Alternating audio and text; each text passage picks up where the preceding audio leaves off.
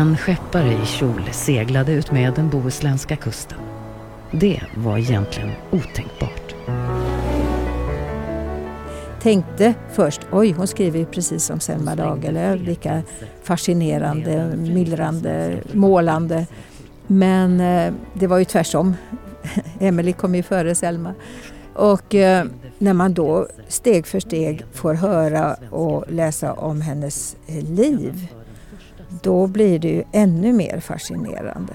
För att det betydde så mycket för författarskapet, men också för att samma saker händer ju idag fast i olika kontext. Alltså man kan verkligen känna med henne som en människa av idag. Det är bara det att när man läser hennes böcker så får man ju också ett historiskt perspektiv på de utmaningar vi själva har idag, tycker jag. I programmet 1800-talets mest framgångsrika svenska författare söker vi svar på vem författaren Emelie Flygare Carlén var och varför hon hamnade i skuggan av exempelvis författarnamn som August Strindberg, Carl Jonas Love Almqvist, Alexander Dumas och Charles Dickens. Trots att hon var en av 1800-talets mest framgångsrika svenska författare, både nationellt och internationellt. Och till och med när hon slutligen fick Svenska Akademins stora guldpris så fick hon det så att säga köksvägen. Och varifrån kom mörkret i Emelies liv? Varför brände hon alla sina manuskript? Det här är dokumenterat med mig, Mi Vegelius.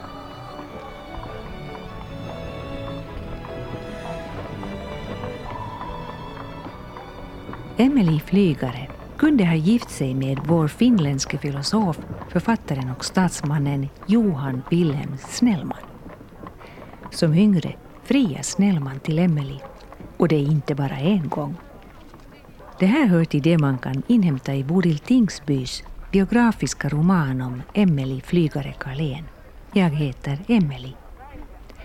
Bodil Tingsby är före detta informationschef vid Nordiska ministerrådet och journalist bland annat på Sveriges Radio och Sveriges Television.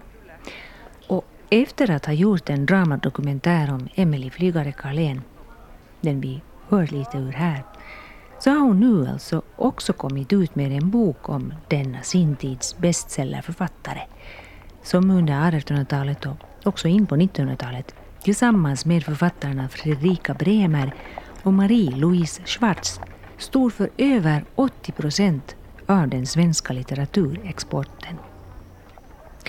Och ändå är det den återstående, knappa 20 procenten av svenska författare som Carl Jonas Love Almqvist och Viktor Rydberg och andra som många av oss känner till och har läst om redan i skolan. Hur blev det nu så och, och vad tänker bland annat den unga publik, både unga män och kvinnor, som Bodil Tingsby har mött när hon har varit ute och förevisat sin film och pratat om sin bok. De blir ju rent ut sagt förbannade när de får höra detta. Varför i hela herrans namn har man inte fått höra talas om dessa? Ja, Fredrika Bremer har ju de flesta hört talas om. Marie-Sofie Schwartz kanske inte så konstigt för hon skrev mera sådana här rådgivande böcker till unga kvinnor och deras mödrar. Medan Emily då var störst av dem alla.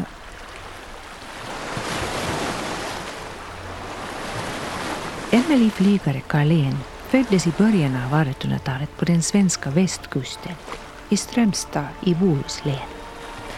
Hon var det yngsta av Rutger och Margareta Smiths 14 barn. Pappa Rutger var köpman och sjökapten och den färgsprakande Emily hon var hans ögonsten.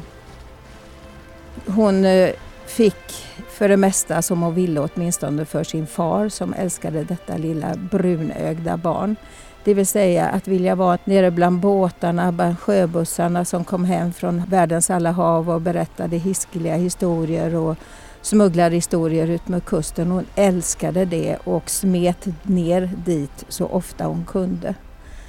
Sen tjatade ju hon väldigt, väldigt tidigt på att få följa med. Pappan hade ju som mest 49 skepp. Det var en storgubbe där i Strömstad på västkusten i Sverige.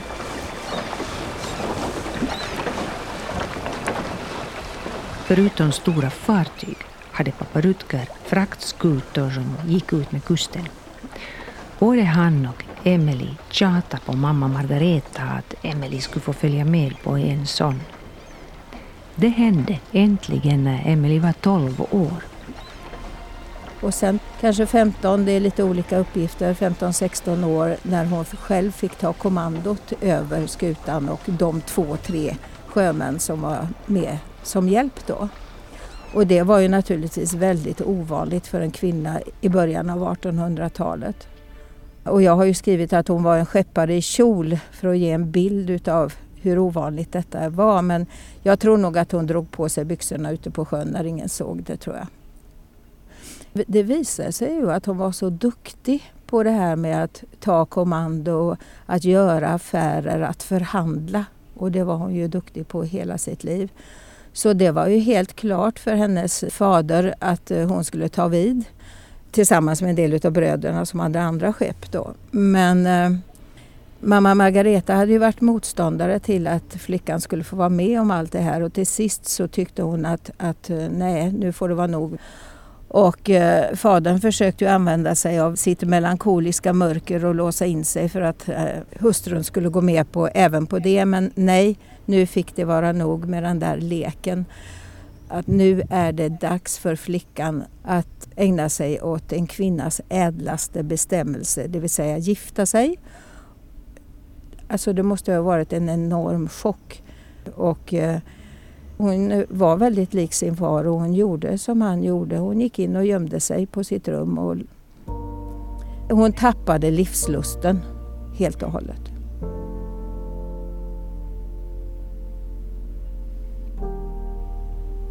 Nu har Emily mött det becksvarta mörkret för första gången. Och mera ska komma när hon 1827 som 20-åring gifter sig med en 15 år äldre man ett förfärligt äktenskap.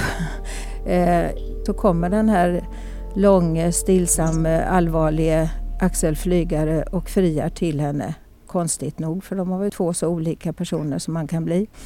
Han var läkare, hade studerat medicin tillsammans med en av hennes bröder och hade nu en, en tillfällig tjänst i Strömstad. Och eh, så fick han ett jobb nere i Småland, i Ljungby och eh, det kan man väl tänka sig att en ung kvinna som älskade havet och drömde om att få leva ett liv vid havet, hur det var för henne att flytta ner till den småländska skogen. Och då med en man som, förutom att han försökte då kämpa mot tbc och andra sjukdomar, så hade han svårt att ta betalt. Han tyckte att folk kunde betala det de hade råd med. Och råd hade ju inte många i Småland på den tiden. Det är också nu som folk börjar flytta till Amerika då de har det så eländigt här i Norden. Och, eh, en sak som jag har fastnat för det är ju att hon blev ju ganska snabbt med barn och visste inte mycket om hur det skulle gå till, inte ens hur det skulle gå till när man skulle föda. Och han var ju läkare, han kunde ju åtminstone stöttat henne där men nej, det var hennes sak. Det var en kvinnas sak. Eh, så att eh, fattigt, ett eh, äktenskap där man inte kunde tala med varandra. De får en livlig liten pojke. Men han dör redan som tvååring. Följande barn dör som nära på nyfött. Så kommer Edvard som eh, då klarar sig vid denna tid och blir ett älskat litet barn och strax efter där Mimmi då, en flicka som också lever tills de tvingas att flytta hem till Strömstad igen, hon och barnen, för även mannen dör av tbc till slut. Så där står hon helt utfattig och eh, tvingas flytta hem med skammen, tror jag att hon kände, att hon inte hade klarat allt.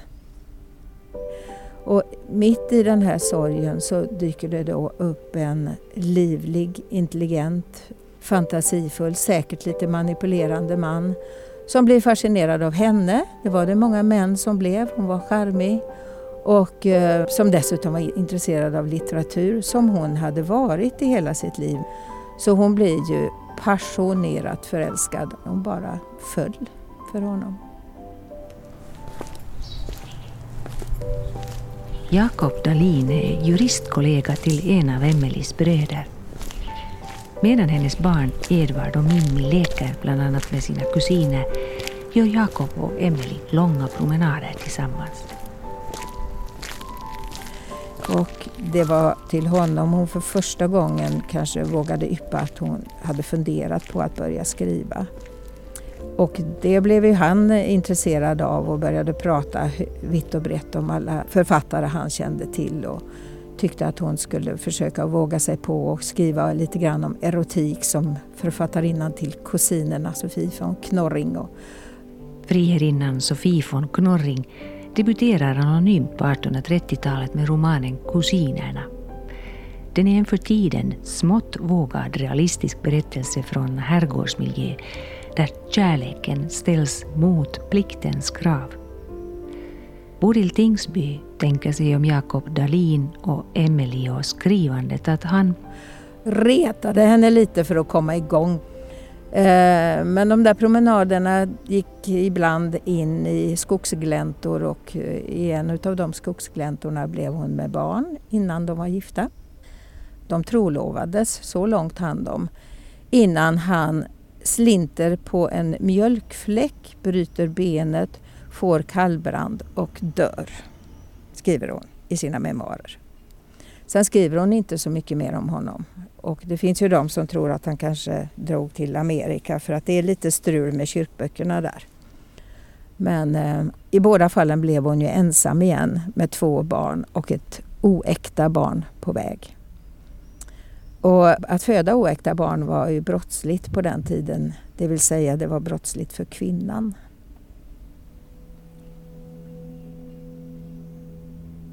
Hon hade ju för avsikt att behålla det, eh, skriver hon. Men eh, efter allt hon hade gått igenom och när det dessutom blir så att Mimmi också dör strax efter det att Rosa har fötts.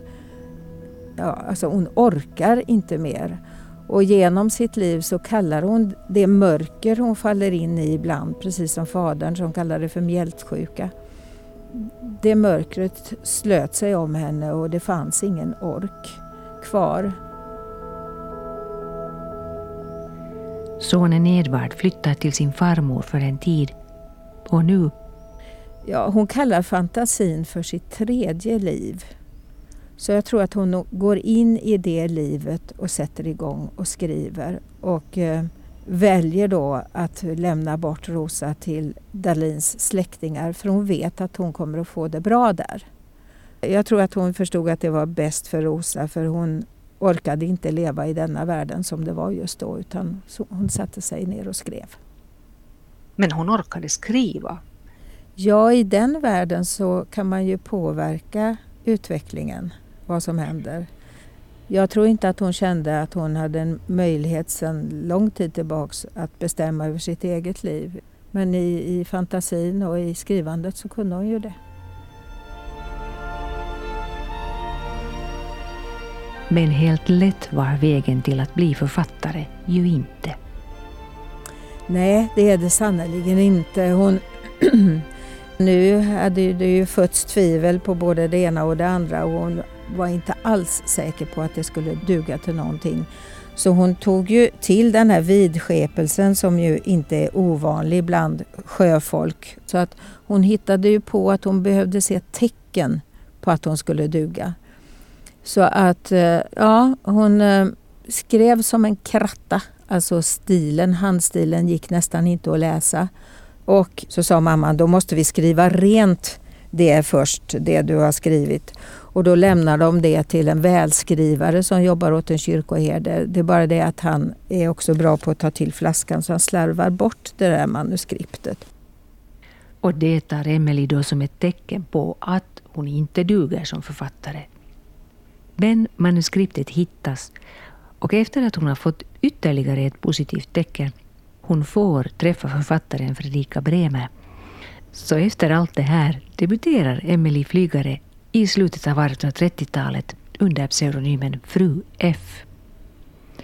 Men hon har inte valt att skriva om sin västkustmiljö utan i romanen Valdemar Klein tar hon fasta på sina erfarenheter från tiden som läkarhustru i Småland. Med provinsialläkaren Klein i centrum handlar det om sex unga människors giftermål och där Kleins överdrivna respekt för hans fars sista vilja kan ses som romanens grundkonflikt. En i det här skedet högst konventionell berättelse men nu flyttar Emily och sonen Edvard. Och eh, så kommer hon då till Stockholm som väl inte är så annorlunda eh, nu än vad det var då. Det är förläggaren Niklas Thomsson som lockar Emily Flygare till Stockholm. Hon väljer honom framom den mer radikala Aftonbladets grundare Lars Johan Hjärta. Och det dröjer inte mer än en vecka förrän Thomson ser till att Emily bjuds med till det nystartade Aganippiska brunchsällskapet bestående av konstnärligt begåvade medlemmar. Mest män. Men även en del kvinnor. Så att eh, de som följer henne dit är Arvidsson, Thomsons redaktör. Arvidsson är från Finland och blir så småningom chef för Kungliga biblioteket i Stockholm. Melin, också han med finska röster, äh, rötter, en präst eh, med mera. Flera av de här herrarna är ju jurister och präster och författare och poeter och en blandning. Tjänar inte mycket på något av det. Eh, August Blanche är där, Almqvist hälsar på ibland, Tegnér hälsar på ibland och en som heter Carlén är också med. Och eh, bland kvinnorna så är det Maria Röhl som är en konstnärinna och som genast ber att få porträttera Emily. Och eh, Julia Nyberg som har skrivit Vårvindar friska. Präktigare visa får man väl leta efter. Men hon kallade sig för Efrosyne och försökte vara som George Sand och röka cigariller och gå i herrbyxor och så vidare. Så det, det var ett sånt där kreativt gäng som träffades och hade kul. Och sen så fick hon ju träffa, alltså under sitt liv så gästade ju alla stora. Runeberg, inte minst. Han ville absolut träffa Emelie Flygare Carlén när han var i Stockholm och vägrade åka hem förrän han hade fått träffa henne. H.C. Andersen trivdes bättre än någon annanstans, sa han. Ja, hela gräddan kan man säga. Och så var det också en annan finländare som väl blev lite extra intresserad av henne. Ja, Johan Wilhelm Snellman. Och han är ju en fascinerande människa och jag förstår att han är en känd person och, och har betytt mycket i Finland. Han var ju en tänkare, en filosof. Eh, det roliga är att de är barn till sjökaptener båda två. Och redan första gången de går hem från första kvällen i Aganipiska så får hon följe med Snellman, Melin, men åtminstone de två. Och eh, Snellman frågar rakt på sak vad hon tjänar. Och även om hon är gammal van köpman så tyckte hon väl inte riktigt att det hade hon inte förväntat sig. Och då säger hon 25 öre per ark och han blir alldeles förgrymmad på detta och säger du ska ha lika mycket som Fredrika Bremer. Och så smusslas det den natten mellan Thomson och Snellman och Melin och nästa dag så får hon besked att hon ska ha 50 kronor arket. Det är det. Så det kan hon tacka Snellman för och Snellman vistas gärna i närheten av henne och sätter sig bredvid henne och han beskriver henne som ett ovanligt livligt barn. Och hon kallar honom för magister Snellman. Det säger lite grann om deras relation kanske att om någon frågar mig så tror jag att han såg henne som en ung kvinna som han kunde forma utifrån sitt sätt att se på livet, det vill säga det här ganska stränga eh, synen på individen och samhället. Att samhällets väl var det viktigaste och att ja, principfast. Och jag tror att han skrämde henne och jag tror att hon var så klok. Hon har gått igenom så mycket så hon insåg att om hon skulle tacka ja till hans frierier, som var en del säger två, andra säger flera stycken, så skulle hon hamna i hans stränga skugga. Han gifte sig väl med en 17-åring så småningom så det ligger väl någonting i det. Andra gången Snellman fick ett nej sa han jovialiskt att han hoppades ändå. och deras kontakt fortsatte. Hon kallade honom för sin fjärde rådgivare och bad honom bland annat att skriva recensioner så att hon kunde få ett rättesnöre i det han formulerade. För hon insåg att han hade rätt när han kritiserade henne för att skriva lite yvigt, att eh, inte ge karaktärerna tillräckligt djup. Och hon bad honom att försöka ge henne sådana råd att hon skulle kunna lära sig det. Vilket jag tror var väldigt bra därför att det tvingade henne till att tänka mera på att beskriva människors karaktärer. Så att eh, nog eh, bidrog han till att göra henne till en bättre författare. Dessutom ser Snellman till att Emelie Flygare blir avporträtterad. Ja, det finaste porträttet på henne tycker jag. Hon ser ung, plirig, vacker på ett flickaktigt sätt ut och eh, Nationalmuseum i Helsingfors som har det porträttet. Och så väljer Emily en annan man. Ja, det blir ju också rubriker på det man, om man ska uttrycka sig i moderna termer. Till allas förvåning så väljer hon då Carlén, Johan Gabriel Carlén som är sju år yngre.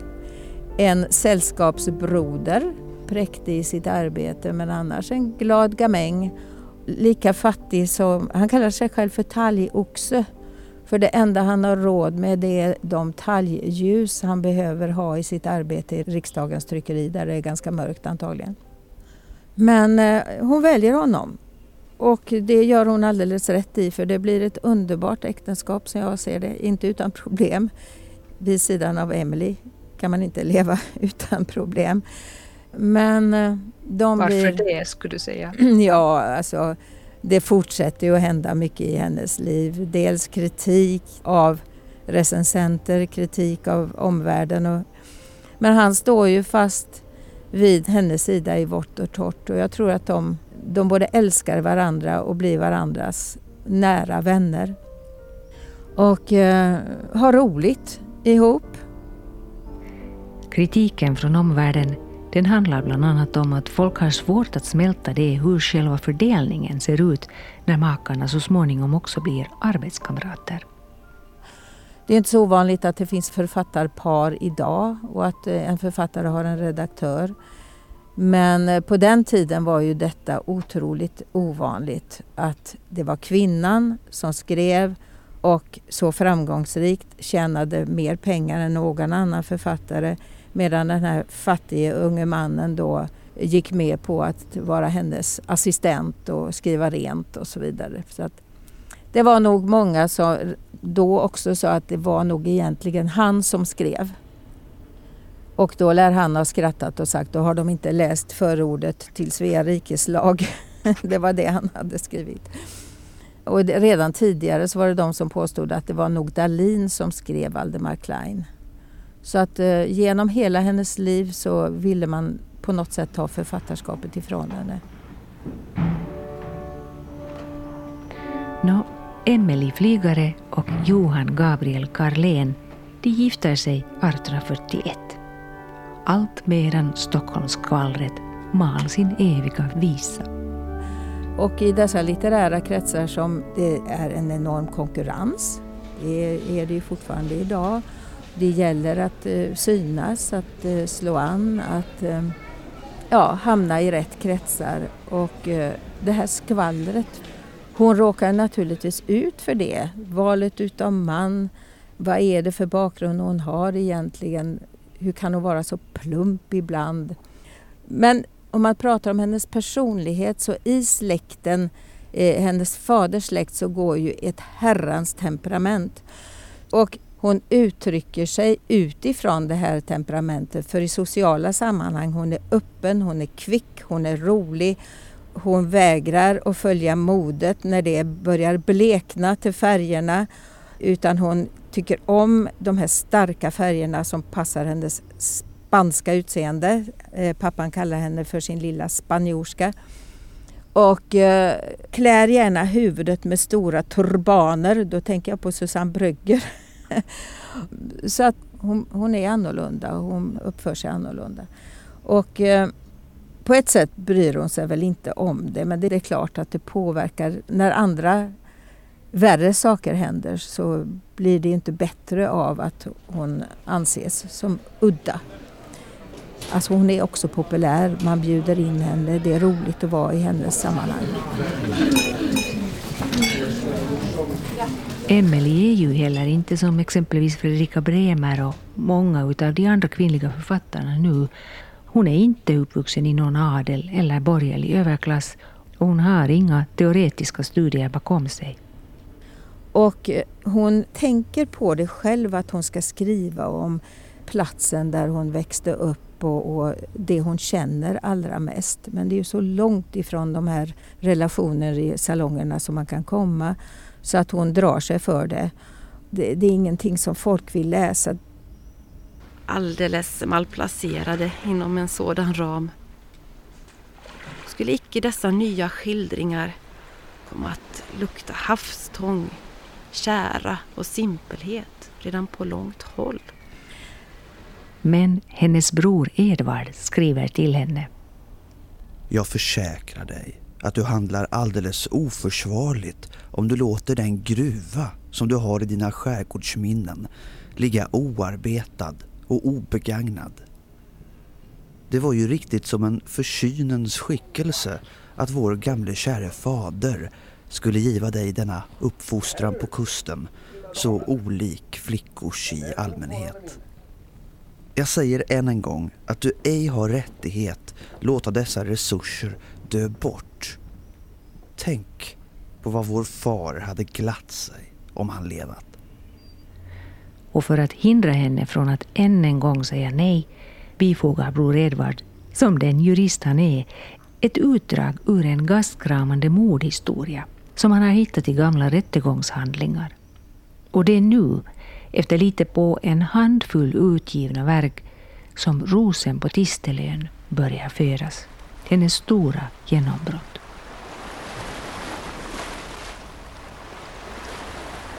Och så satte hon sig ner och skrev den här spänningsromanen som utspelar sig utmed kusten i Bohuslän. Men det är inte bara en spänningsroman som handlar om brott och straff utan det är också en Romeo och Julia-historia involverad. Det är alltså den mördade tulltjänstemannens son och mördarnas dotter och syster som blir förälskade i varandra. Så att eh, det är verkligen något nytt, något banbrytande överhuvudtaget i litteraturen då men i synnerhet för att det är skrivet av en kvinna. Men vad är då speciellt med den här romanen? Den är speciell därför att det är en kvinna som inte skriver om relationerna i de fina salongerna som kvinnor förväntades göra som ett tidsfördriv istället för att brodera eller någonting annat. Här kommer en kvinna som skriver om smuggling, en samhällsfråga som debatterades väldigt mycket då, det vill säga brott och straff, halshuggningens vara eller inte vara. Talade inte kristendomen om försoning, att man skulle kunna sona sitt brott. Hon skildrar fattigdomen ut med kusten eh, och det är otroligt spännande. Så det är alltså en roman som tar in samhällsfrågor som beskriver rik och fattig och skillnaden däremellan, rätt och fel.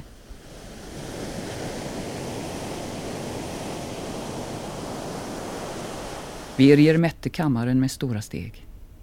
Hans egen rörelse tycktes kosta honom största ansträngningen att besegra. Slutligen stannade han helt nära Erika och sade med sakta men genomträngande klar röst. Det är så. Jaktlöjtnanten och hans två besättningskarar har omkommit genom mig och min far. Jakten har vi borrat och sänkt. Erikas huvud nedsjönk mot bröstet. Golvet gungade under hennes fötter.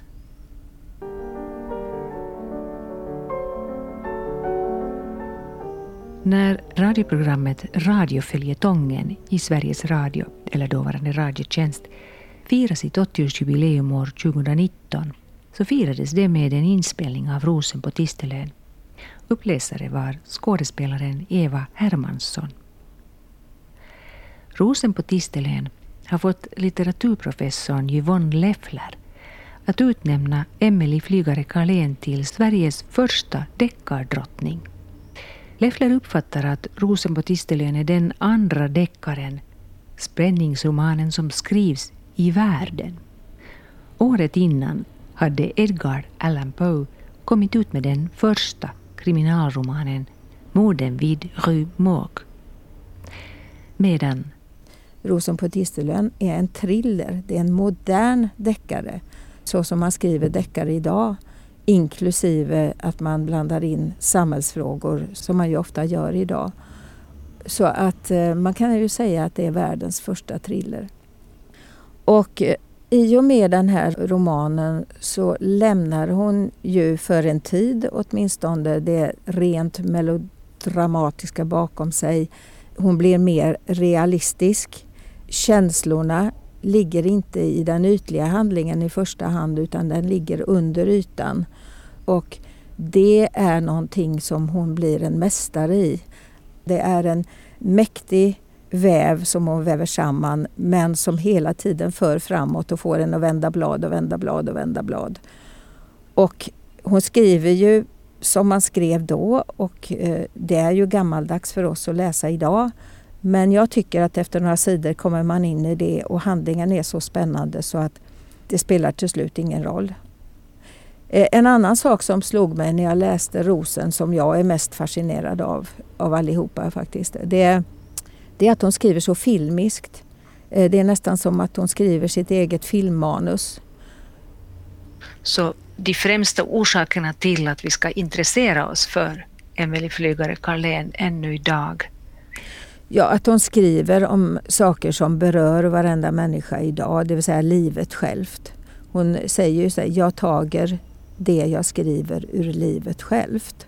Och livet självt är ju detsamma nu som då. Vi har våra ups and downs och, och, och, vi är beroende av varandra och vi är också beroende av att lämna varandra ibland. Alltså en människas liv.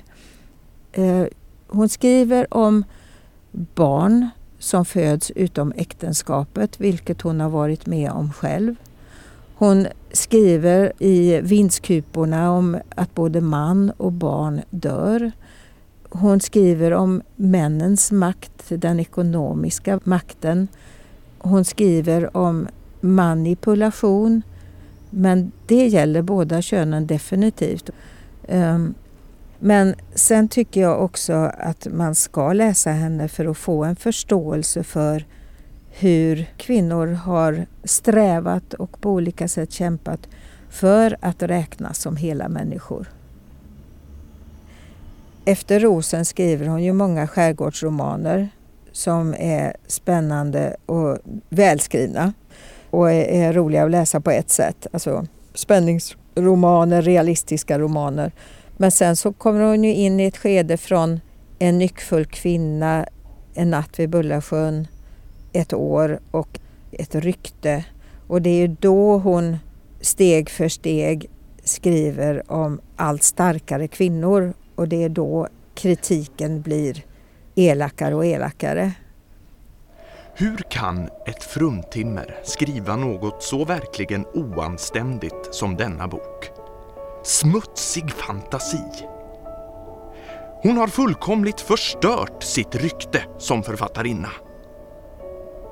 Det orenaste och vidrigaste kanske något lands romanlitteratur kan uppvisa.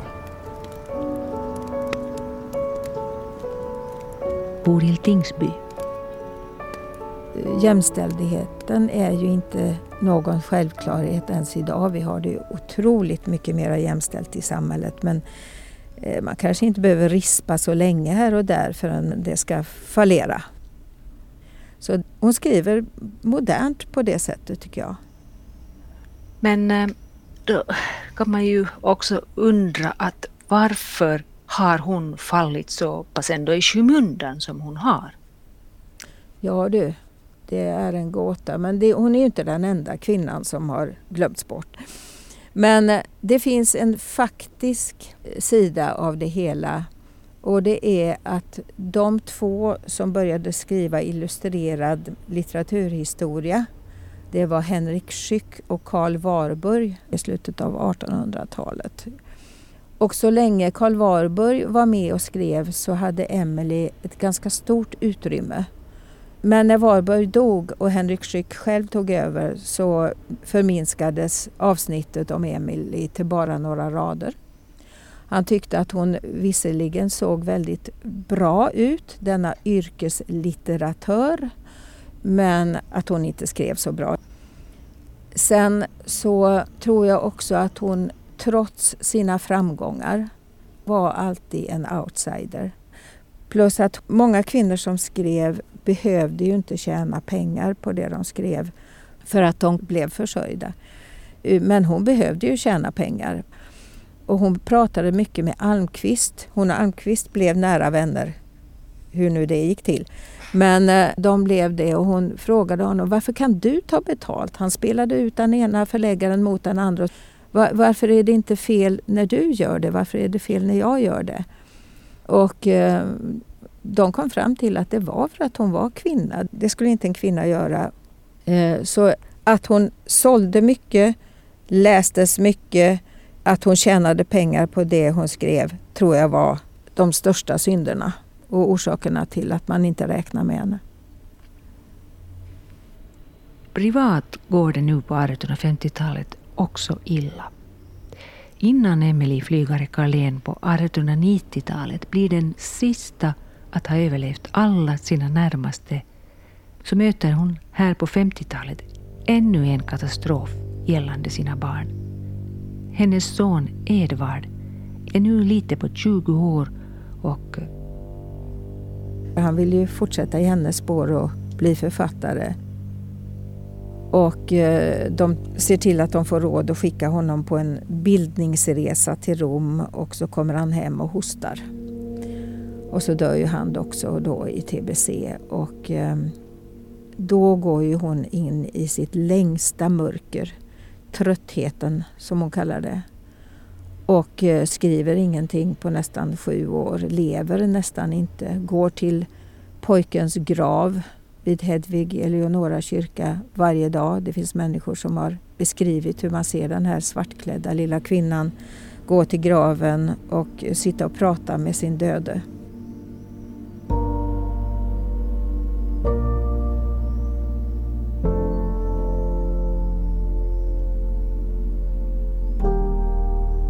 Av fem barn har Emily nu endast ett barn kvar i livet. Kärleksbarnet Rosa som har vuxit upp hos faderns släktingar. Rosa, en blivande författare också hon, henne lockar Emily nu till Stockholm. Men det går ju inte bra. Emily är ju fortfarande i sitt mörker till och från och eh, beter sig väldigt underligt, egocentriskt, egoistiskt i förhållande till Rosa. Så att Rosa flyttar ju hem igen men innan dess, så, eller ja, i samband med det, så gifter hon sig ju med Carléns bror så de blir ju svägerskor. med samma efternamn. ja, precis. Och författare Rosa också.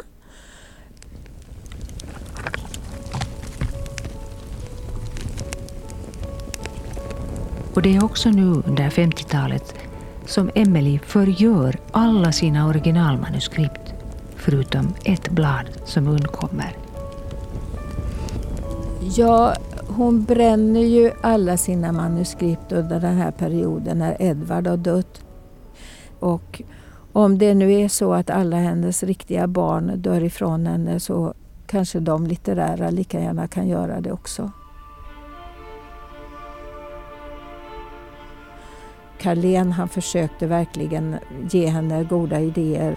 Men till slut en dag så kommer han gående genom Humlegården där de bor med ett vitt ark i handen och så skriker han redan där utifrån Emily, Emily, nu får du inte säga nej. Nu har du fått ett sådant erbjudande så det går inte att säga nej. Och erbjudandet kom från Solman, redaktör Solman på Aftonbladet. Om hon började skriva en följetong för Aftonbladet så skulle han ge henne 10 000 riksdaler i förskott. Idag är det en halv miljon. Och då var hon mogen. Nu har jag tröttnat på själva tröttheten, sa hon och så satte hon igång och skriva. Det är ett köpmanshus i skärgården som växer fram. Hennes sista stora västkustskildring.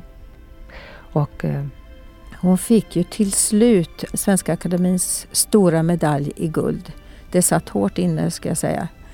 Men hon fick den ju köksvägen. De andra bjöds in till årets stora högtid och tilldelades då denna medalj. Till henne kommer en av ledamöterna hem och knackar på dörren en dag och ger henne medaljen. Alltså jag tror inte hon brydde sig. Ursäkta men jag tror inte det. hon, hon sålde den och eh, fick pengar till en gravvård till sig och mannen för dem.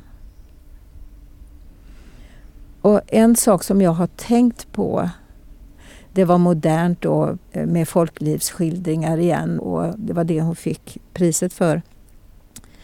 Men jag tror faktiskt att det var djupare än så. Jag tror att det här var hennes revansch. Det handlar om ett ungt köpmanshus i skärgården. Ett köpmanshus som hon hade velat bygga upp när hon tog över efter sin far. Där kvinnor och män hjälptes åt, fann varandra på olika grunder och drev det här köpmannahuset till välgång och lycka. Och så är det ju insmugglat en massa smuggelhistorier och spänning där också förstås. Men det, jag tror att hon i sitt tredje liv i den här fantasin skapade något som hon själv aldrig fick göra. Och det tror jag betydde mycket mer för henne än den där guldmedaljen. Hon drivs ju av att hon innerst inne vill berätta om det hon tycker är så viktigt. Det vill säga att vi måste komma dit en vacker dag att människor, oavsett män eller kvinnor, måste få bestämma över sitt eget liv. Fatta sina egna beslut,